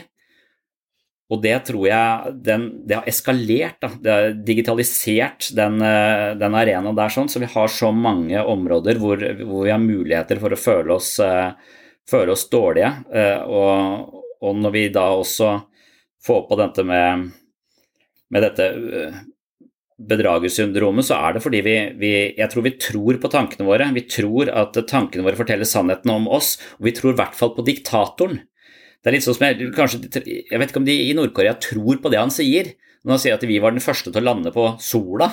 Altså, eh, da har du ikke gått veldig lenge på men, sånn, men, men jeg tror nesten at det, du kan overbevise mennesker om at uh, de tar feil om verden der ute. Jorda er ikke flat. Det er jævla vanskelig å overbevise de, tror jeg, om at jorda ikke er flat. Men, men, jeg tror det er tilsvarende vanskelig å overbevise mennesker om at tankene deres ikke reflekterer virkeligheten på en absolutt måte. Og når man tenker at tankene mine reflekterer virkeligheten på en absolutt måte, så er det ikke noe gøy å leke med negative tanker. Så, så, mitt mål altså Jeg tenker at mennesker som ikke har fått lekt nok gjennom oppveksten, de blir stive og alvorlige og eh, depressive og fulle av angst. Fordi enhver setning, enhver kritikk, den slår rett inn hos meg. Så, så, hvis du Nå har jeg fått masse skryt av dere, det, det også, kan jo være litt ubehagelig å ta imot, men eh, fordi det er en diskrepans mellom min følelse av hvem jeg er, og hvordan dere da, hva du sier, så, så, så vil det være litt vanskelig å, å håndtere. Men, men, jeg har jo dette trikset at hver gang noen sier noe til meg som, jeg, som er av negativ karakter, eller noe som jeg Så tenker jeg det er, det er dumt å avvise det helt. Eh, det kan hende det skal avvises helt, men jeg gir det en prosentandel. Sånn at hvis noen noen kan si at jeg er fryktelig arrogant og sånn, det får jeg høre eh, noen ganger. og da, da tenker jeg i utgangspunktet så gir jeg det 20 eh, sant. da, Og så tenker jeg det var, mer, det var 40% før, nå er det 20% sant. Og etter hvert som jeg får tygd på det, jeg ser situasjonen sånn, så kan jeg oppgradere det til kanskje 30 eh, sant, da, fordi at jeg klarer å ta det innover meg, sånn at jeg kan jeg kan bære den delen av meg, jeg kan våge å se på den delen. Men jeg kan også si at nei, du tar helt feil, du er helt dust, og avvise det. Og dette er litt sånn persona skyggen til Jung, da, hver gang vi setter opp en strek 'dette er ikke meg', og 'dette er meg', jeg er sånn, og jeg er ikke sånn, så får du en skillelinje i ditt indre, og du plasserer også elementer av deg selv som du ikke orker å ta ansvar for, ut i skyggen. Og så har du et lite område 'dette er meg', og alt det som ikke er meg, det ligger i skyggen, og alt det som ligger i skyggen, det er farlig for oss, for det driver og påvirker livet vårt på en eller annen måte. Så, så det å akseptere flere sider av seg selv, det må være hovedelementet i all form for behandling. Det å akseptere at vi har sider ved oss selv som ikke er spesielt attraktive. Og ifølge Freud så er det jo såpass lite attraktive at vi, at vi, at vi ikke har kjangs til å nærme oss dem, for han er så opptatt av Så, så jeg tenker at hvis vi, hvis vi, bare slipper ut dette, sånn som Atle Antonsen f.eks., så er det en sånn Det er som om han det er nesten som det ligger en slags dødsdrift der. eller som han, han, virkelig, Det er litt sånn Dr. Jekyll og Mr. Hyde-feeling. da. Vi ser på han som en uh, jovial, fin fyr, og så plutselig så, så, så dukker han opp som denne uh, vanvittige karakteren på natta. Så det er litt sånn Dr. Jekyll og Mr. Hyde, og det er nok også det som er tematikken i Dr. Jekyll og Mr. Hyde. Hvis vi ikke integrerer det gode med det onde, så blir vi ikke et helt menneske, og jo mer vi undertrykker det onde, jo større sjanse er det for at det plutselig overtar og frarøver oss kontrollen. Så det å ha kontroll på alle disse sidene ved oss selv, det tror jeg er helt avgjørende. Men hvis vi har en sterk indre kritiker, så vil enhver aksept av mine negative sider bare mate den indre kritikeren. Ja, det er typisk deg, du er helt dust. Så vi må være rause. Vi må være aksepterende. Og det er det folk ikke er. Det er derfor de ikke får noe ut av behandling. De har ikke et spesielt godt forhold til sitt eget selv. Og, de, er, eh, de tror at det de tenker om seg selv, også er sant. Så, så vi tror på dette bedragersyndromet. Og det tror jeg er Og det er derfor jeg, altså, jeg er jo ikke sånn Jeg er opptatt av at vi skal utvide vårt indre eh, liv. Og jeg er jo ikke så opptatt av medisiner, men jeg har vært opptatt av MDMA og psykedeliske stoffer fordi jeg ser at virkestoffet der er en slags overdose av oksytocin, altså kjærlighetshormonet, det som tar til Og hvis du skal på en måte huske ting fra ditt eget liv, så har vi ofte en tendens til å f.eks. selv om vi har blitt utsatt for et overgrep, da, så har vi ofte en, en følelse at det var vår skyld. Og det er en forsvarsmekanisme som holder ting litt i balanse, for hvis jeg egentlig ikke sa nei tydelig nok, så betyr det at verden ikke er så utrygg, så folk driver ikke og trår over grensene mine uh, sånn i tid og utide, fordi jeg sa litt ja til det, så det er egentlig min skyld. Så du, du frarøver da overgriperen aggresjonen, uh, sånn at det er litt tryggere å være i verden, samtidig som du får litt mer kontroll på problemet. Du har da også brukt skyldfølelsen mot, mot deg selv. Så, så, det er så mange elementer som gjør at vi har negative eh, ideer og tanker om oss selv, og så lenge vi tror på disse, så kan vi ikke leke med de. Men hvis vi tenker at alt jeg tenker og føler er feil, som er mantraet mitt, så kan vi ja, jeg kan sånn, kan sånn, Vi kan ha med lekent og åpent forhold til oss selv, og vi kan uh, være drevet av nysgjerrighet istedenfor å flykte fra oss selv. Så hvis, en, hvis vi tror på tankene våre, så er det mange tanker vi ikke orker å tenke. Det kaller man jo intrusive tanker på, i angstterminologien. ikke sant? Så, og intrusive tanker de er jo sånne tanker som hva hvis jeg stikker en kjøkkenkniv i øyet mitt akkurat nå? Og så, og så tenk, Men tanker er heller ikke handlinger, ikke sant? Så, så tanker er, er bare Hjernen produserer tanker enten vi vil eller ikke, men de tankene er ikke oss. Akkurat som TV-en viser oss en hel haug av programmer, og noen av de programmene er direkte støtende, men vi driver ikke og klandrer TV-en av den grunn. Altså, Vi driver ikke og rakker ned på TV-en fordi den viser et eller annet, og jeg tror vi må ha litt samme forhold til vårt eget indre liv. Det dukker opp ting der som vi har en form for aksept for, og som vi kunne leke med, men hvis en tanke blir for alvorlig og for sann, så, så, må vi bruke masse energi på å holde unna den tanken, og det er da tankepolitiet vårt kommer inn i bildet. Og hver gang vi tenker ja, typisk deg, så begynner vi å rakke ned på oss selv, for det er, det, det er sånn vi håndterer å begå overtramp. Vi tukter oss selv for de mentale overtrampene vi har. da. Og Det, er, det, det syns jeg er helt øh, Og det er derfor, hvis du da ser for deg at du skal ransake deg selv på en bølge av kjærlighet, som er type, en del av virkestoffene i disse psykedeliske preparatene, så vil du møte deg selv med vennlighet.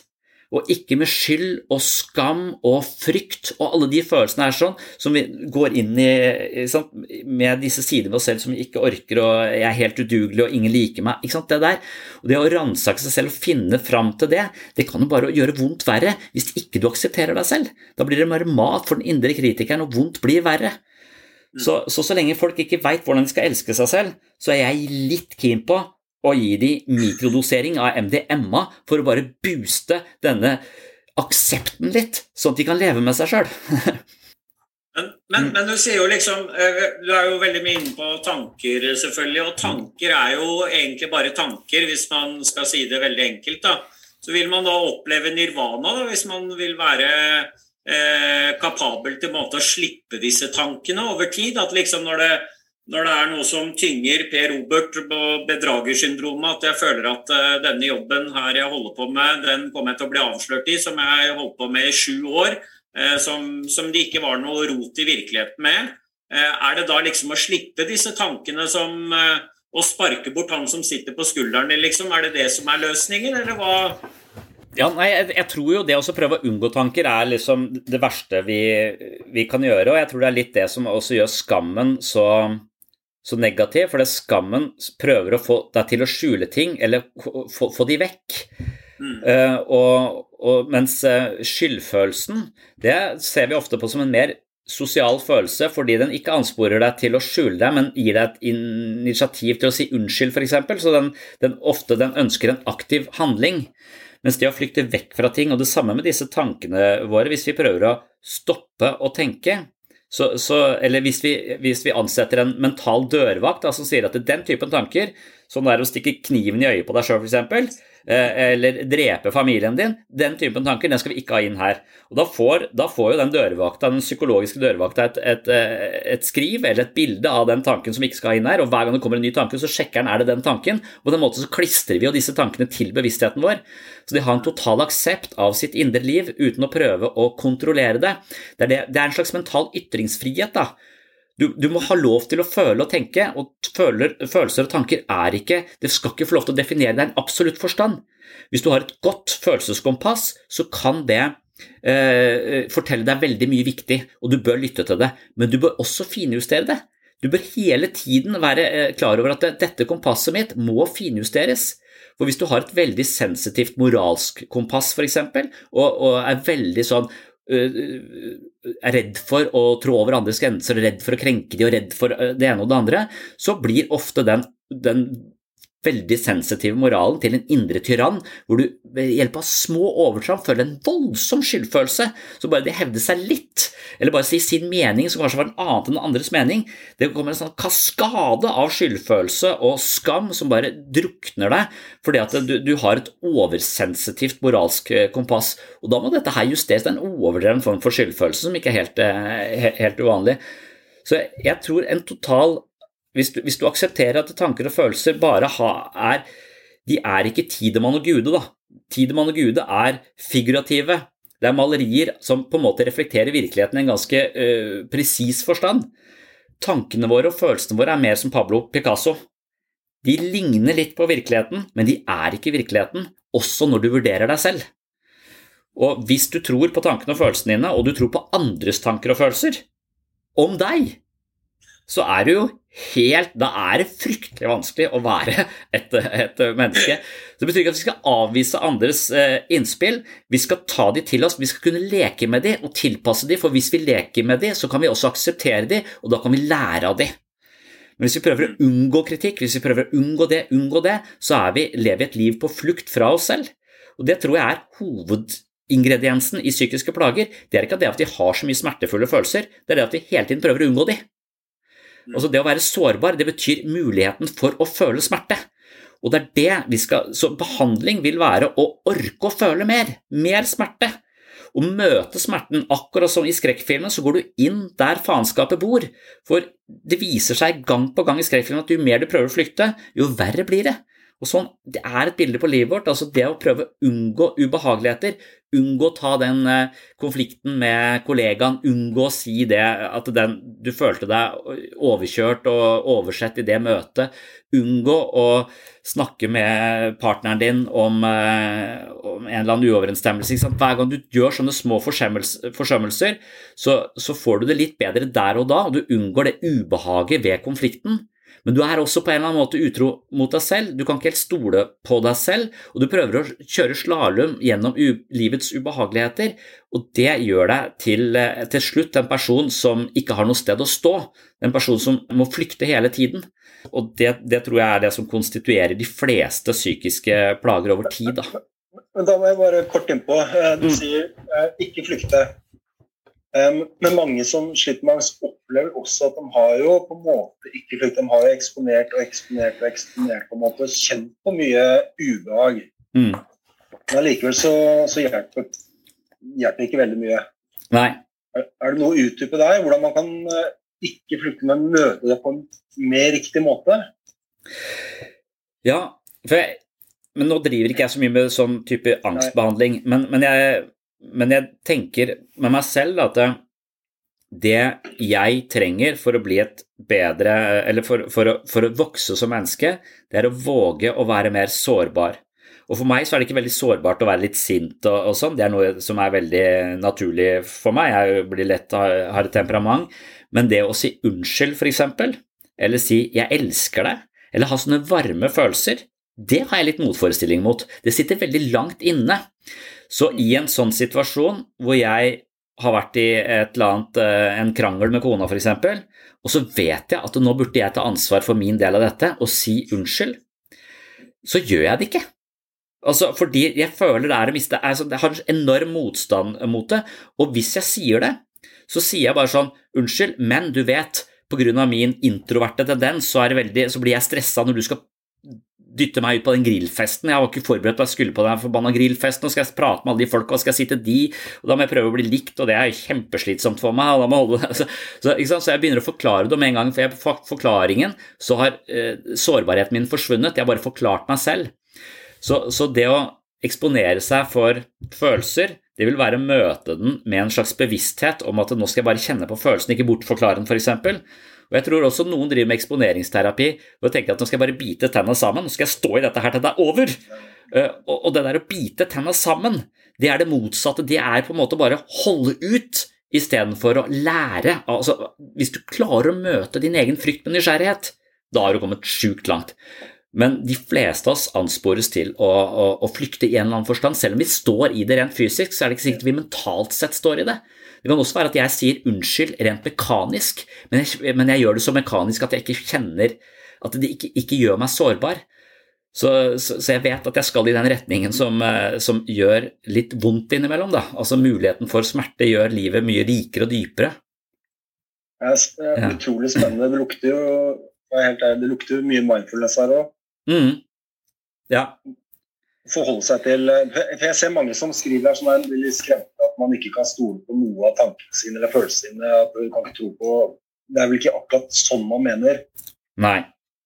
For det ser jeg noen som kommenterer at det er litt skremmende. Ja. Men det er vel litt mer at man kan forholde seg til tankene på en litt annen måte, er det ikke det? Få litt luft rundt dem. Ja, det, det, er absolutt det. Så jeg er litt klar over at det, det er sånn det blir tatt opp. Da, det med at ja, men da skal jeg stole på, jeg kan stole på, på tankene og følelsene mine. Og jeg bruker det bare som en Jeg mener det jo ikke. For, for, hvis du ikke kan stole på tankene, og hvis det er sant at alt du tenker og føler er feil, da, som jeg sier, så er det også feil. Så, så, så det, er en, det, er en, veldig bombastisk setning som faller på sin egen urimelighet eh, veld, veldig raskt.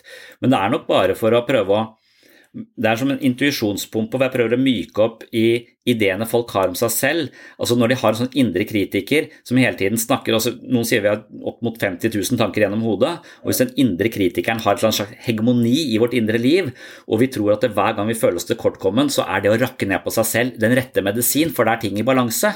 Altså Det er det vi gjør. Så, så, så er den Det å høre på den stemmen, det er litt som å, som å høre på Eh, en eller annen diktator, da. Og, og, og, en diktator sier ikke ting for landets eget beste, den sier ting for sitt eget beste og for sin egen selvopprettholdelse. Så det å, det å forholde seg til tanker på en som-om-måte, på en liksom-måte, men noen tanker er jo mer presise enn andre tanker. Noen følelser er mer presise ut ifra situasjonen enn en andre følelser. Så det jeg egentlig ønsker, er at man hver gang man har en, en sterk følelse, undersøker litt hvorvidt denne følelsen er Eh, berettiga, og i hvilken grad den er berettiga. Og, og, da tror jeg språket kan hjelpe oss til å liksom finne nyansene i ulike typer følelser. Altså, jeg f.eks. får veldig lett skyldfølelse. Og, og det er noe jeg må jeg, jeg, vet at jeg kan raskt reagere med det, og noen ganger så er det på sin plass, og jeg bør si unnskyld.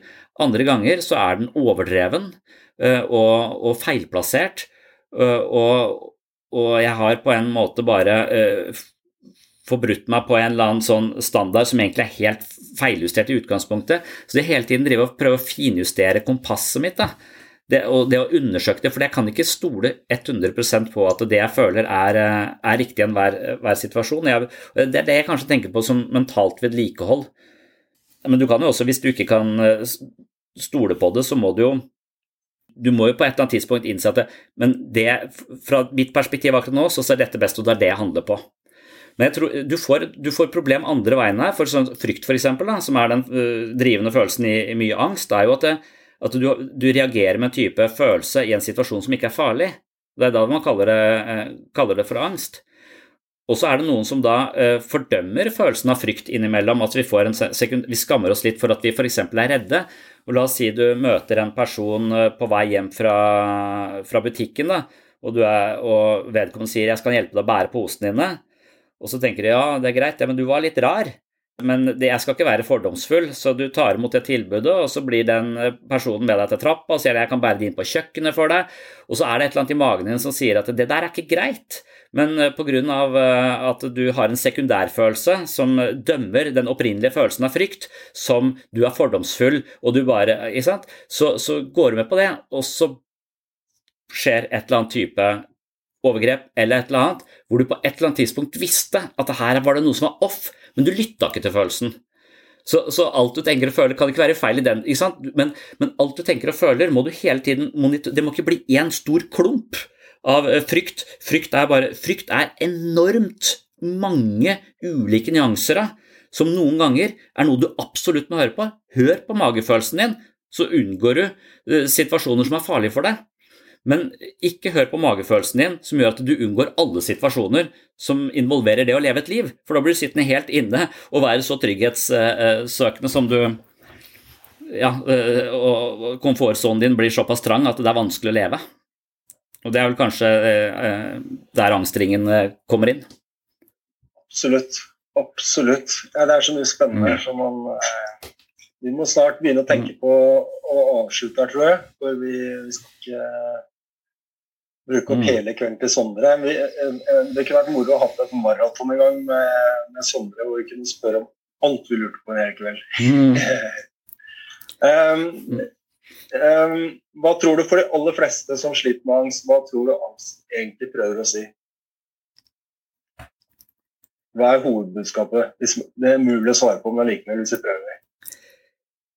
Ja, jeg, jeg, jeg, jeg, tror at, eh, at, det ikke er noe sånn uh, egentlig helt men, men, men, jeg er litt sånn interessert i det som vi snakket om litt før dette her, og det er den setningen, eller den, det eksempelet jeg alltid går tilbake til, er at uh, jeg anser de fleste symptomer som et signal på at det, noe, at det er noe i bevisstheten din som du ikke har tatt hensyn til. Det er en eller annen konflikt du har uh, unngått i en eller annen forstand, og, det er et signal sånn nå må du ta uh, ansvar for det, du er nødt til å se på dette her. Mens fordi jeg tenker at det, er i flukten fra ting at angsten bare blir sterkere og sterkere. Mens hvis du møter frykten din, så vil du aktivere deler av hjernen som ligger mye tettere på mestringssentrene. Så uansett om du feiler eller ikke, så vil du likevel komme bedre ut av det enn å være på flukt. Så, så når, du våkner på natta, og jeg tror det er Ole Jakob Madsen sitt eksempel, egentlig, når du våkner på, på natta med hjertebank og kaldsvette, så vil de fleste av oss kalle det eh, panikkangst, og så vil du gå til legen og eventuelt få en eller annen medisin, da, fordi vi tenker at det symptomet skal vekk. Det er ikke riktig at du skal våkne midt på natta med hjertebank. Men, men, da er jeg redd for at du også tar vekk eh, portåpneren til et dypere lag enn deg selv. Og det er, ikke, det er, ikke, så attraktivt å si at ja, dette her er interessant, så, så, så, spennende at du våkner midt på natta med hjertebank. Altså, det er men, men, men, jeg tror det er hvis vi klarer å møte det på den, på den måten. For Kirkegård vil jo Han bruker dette eksempelet fordi Kirkegård har beskrevet det. og Han sier at hvis du våkner på natta med hjertebank og kaldsvette, så er det fordi du er hjemsøkt av en tjenende ånd som vil tvinge deg til å ransake sjelen din. Eh, og det er nettopp det, det, det, det, er, det skal peke deg innover. Det er et eller annet der inne du har forsømt som nå dukker opp eh, som en type frykt og usikkerhet i en situasjon som ikke er farlig, for du ligger i senga di og det tror jeg vi, vi har en, en, del ting av, og for min egen del også, så tror jeg liksom at jeg, at jeg, jeg kjenner det som en uro, og så lager jeg en forklaring på hva den uroen er. Eh, jeg har dårlig samvittighet, jeg er for rotete, så da rydder jeg, f.eks. Eller, eh, men, men så, når jeg har rydda, så er jeg fortsatt like urolig, så er det et eller annet som det er et eller annet ved denne dagen som har fått meg til å kjenne på en følelse jeg ikke har makta å ta inn over meg. Eh, og, og jeg driver og trener masse barn for tiden, og jeg syns de er litt sånn grenseløse, og jeg mener at vi har mista helt kontrollen eh, på de. Og så sier jeg at de er veldig bortskjemte, og så blir jeg i utgangspunktet litt forbanna på de barna. Og så sier jeg nei, nå må dere skjerpe dere, må ta dere sammen. Og så får jeg en veldig sånn skyldfølelse, for jeg har vært litt sånn kjeftete. Uh, samtidig som jeg kjenner på oi, er jeg en del av en sånn foreldregenerasjon som driver og syr puter under armene på folk? Gjør, bortskjemt gjør jeg disse små menneskene ufordragelige ved å hele tiden serve dem på den måten? Så jeg peker først på barna, så ser jeg tre ting peker på meg selv. Så fra å være sånn der sint og ut, faen for, en generasjon, liksom, så sier jeg ja, men du er jo pappaen til denne generasjonen. Hva sier dette om din unnfallenhet? Hva sier det om din frykt for å sette grenser? Det kan, det kan dytte deg ned i ganske mange ubehagelige nivåer i deg selv. Er jeg egentlig kompetent som pappa i det hele tatt? Ja, jævla usikker.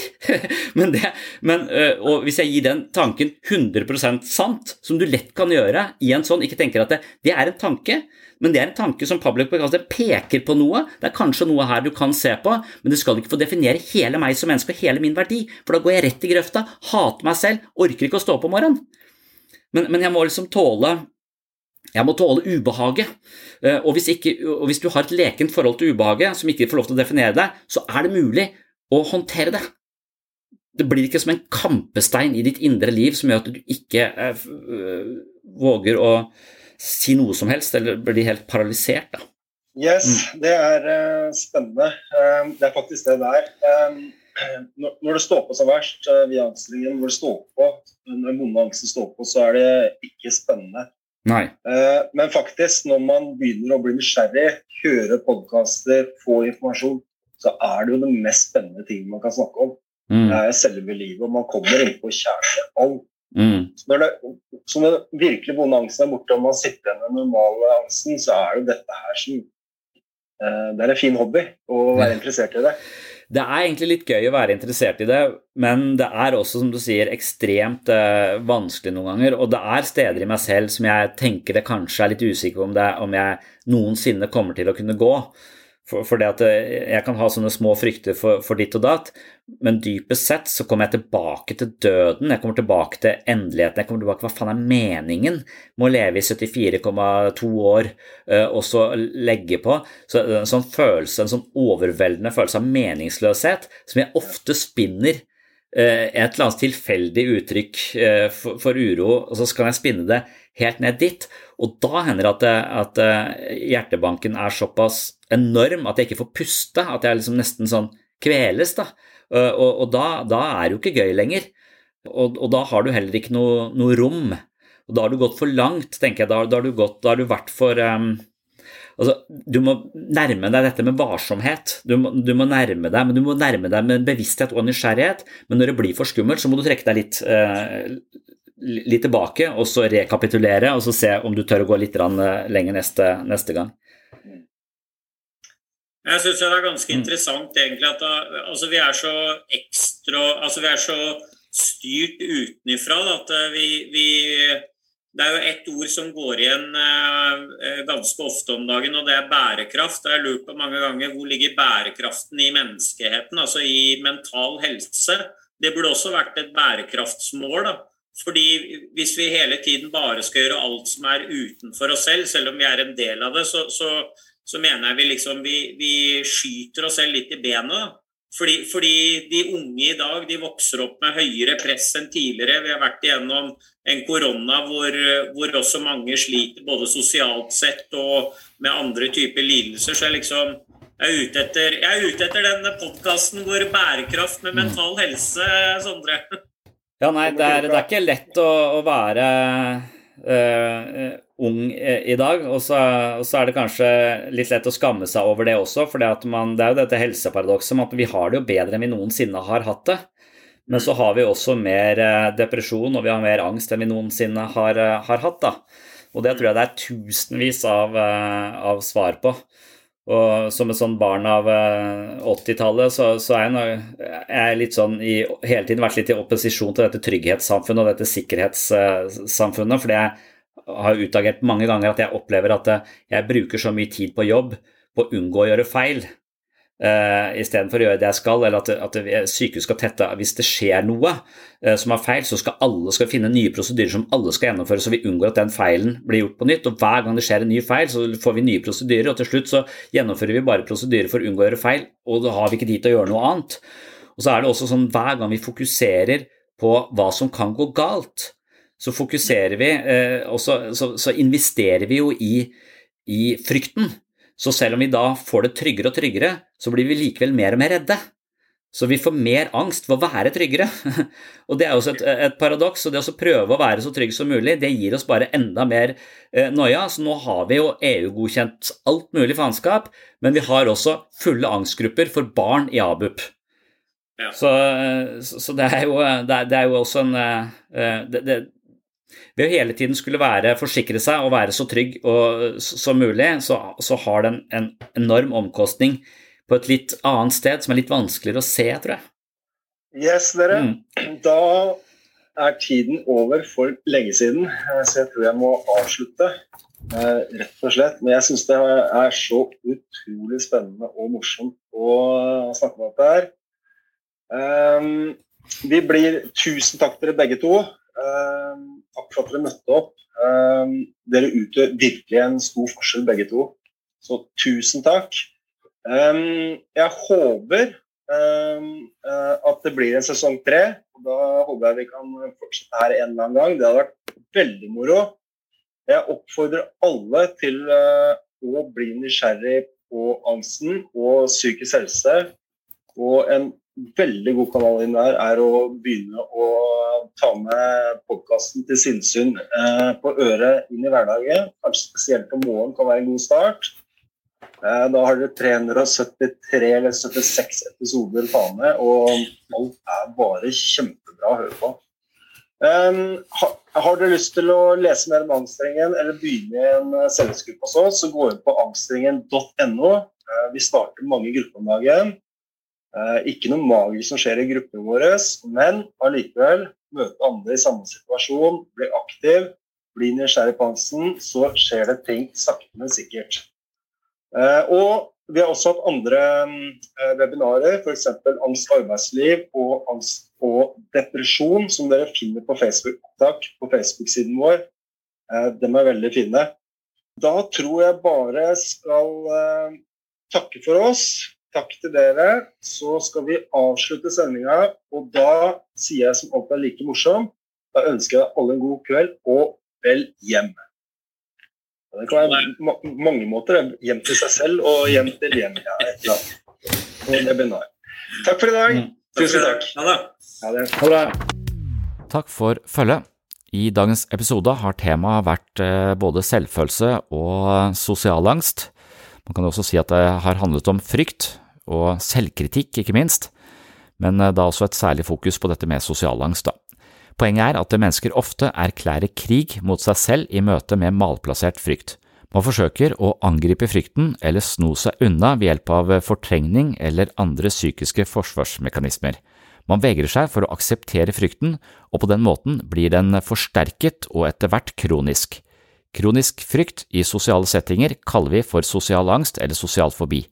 For å bli kvitt overveldende og upassende følelser må man ikke forsøke å sno seg unna, det er nytteløst å flykte fra seg selv, men snarere akseptere følelsene akkurat slik de er.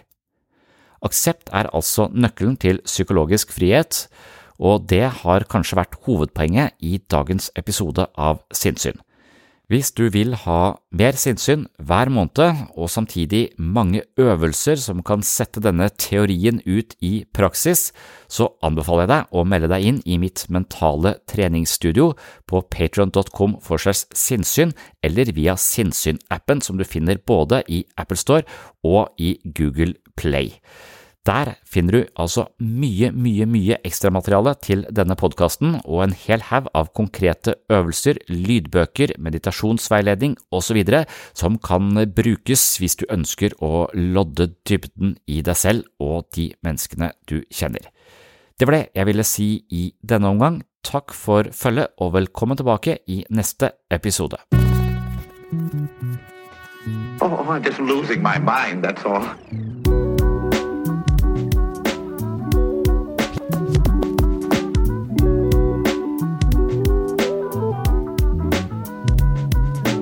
I can discuss some of the I can discuss some of the I can discuss some of the psychological aspects of the case. Psycho, psycho, psychological aspects of the case. You've got to get a hold of yourself.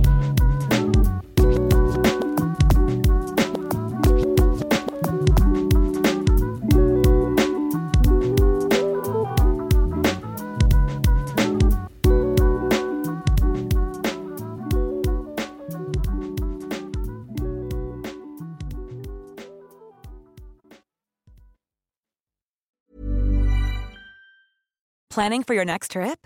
Elevate your travel style with Quince. Quince has all the jet setting essentials you'll want for your next getaway, like European linen, premium luggage options, buttery soft Italian leather bags, and so much more. And is all priced at 50 to 80% less than similar brands. Plus, Quince only works with factories that use safe and ethical manufacturing practices. Pack your bags with high-quality essentials you'll be wearing for vacations to come with Quince. Go to quince.com slash pack for free shipping and 365-day returns. Imagine the softest sheets you've ever felt. Now imagine them getting even softer over time. That's what you'll feel with Bowl and Branch's organic cotton sheets. In a recent customer survey, 96% replied that Bowl and Branch sheets get softer with every wash. Start getting your best night's sleep in these sheets that get softer and softer for years to come. Try their sheets with a 30-night guarantee. Plus, get 15% off your first order at bowlandbranch.com. Code BUTTERY. Exclusions apply. See site for details. Mom deserves the best, and there's no better place to shop for Mother's Day than Whole Foods Market. They're your destination for unbeatable savings, from premium gifts to show-stopping flowers and irresistible desserts. Start by saving 33% with Prime on all body care and candles. Then get a 15-stem bunch of tulips for just $9.99 each with Prime. Round out Mom's menu with festive rosé, irresistible berry chantilly cake, and more special treats. Come celebrate Mother's Day at Whole Foods Market.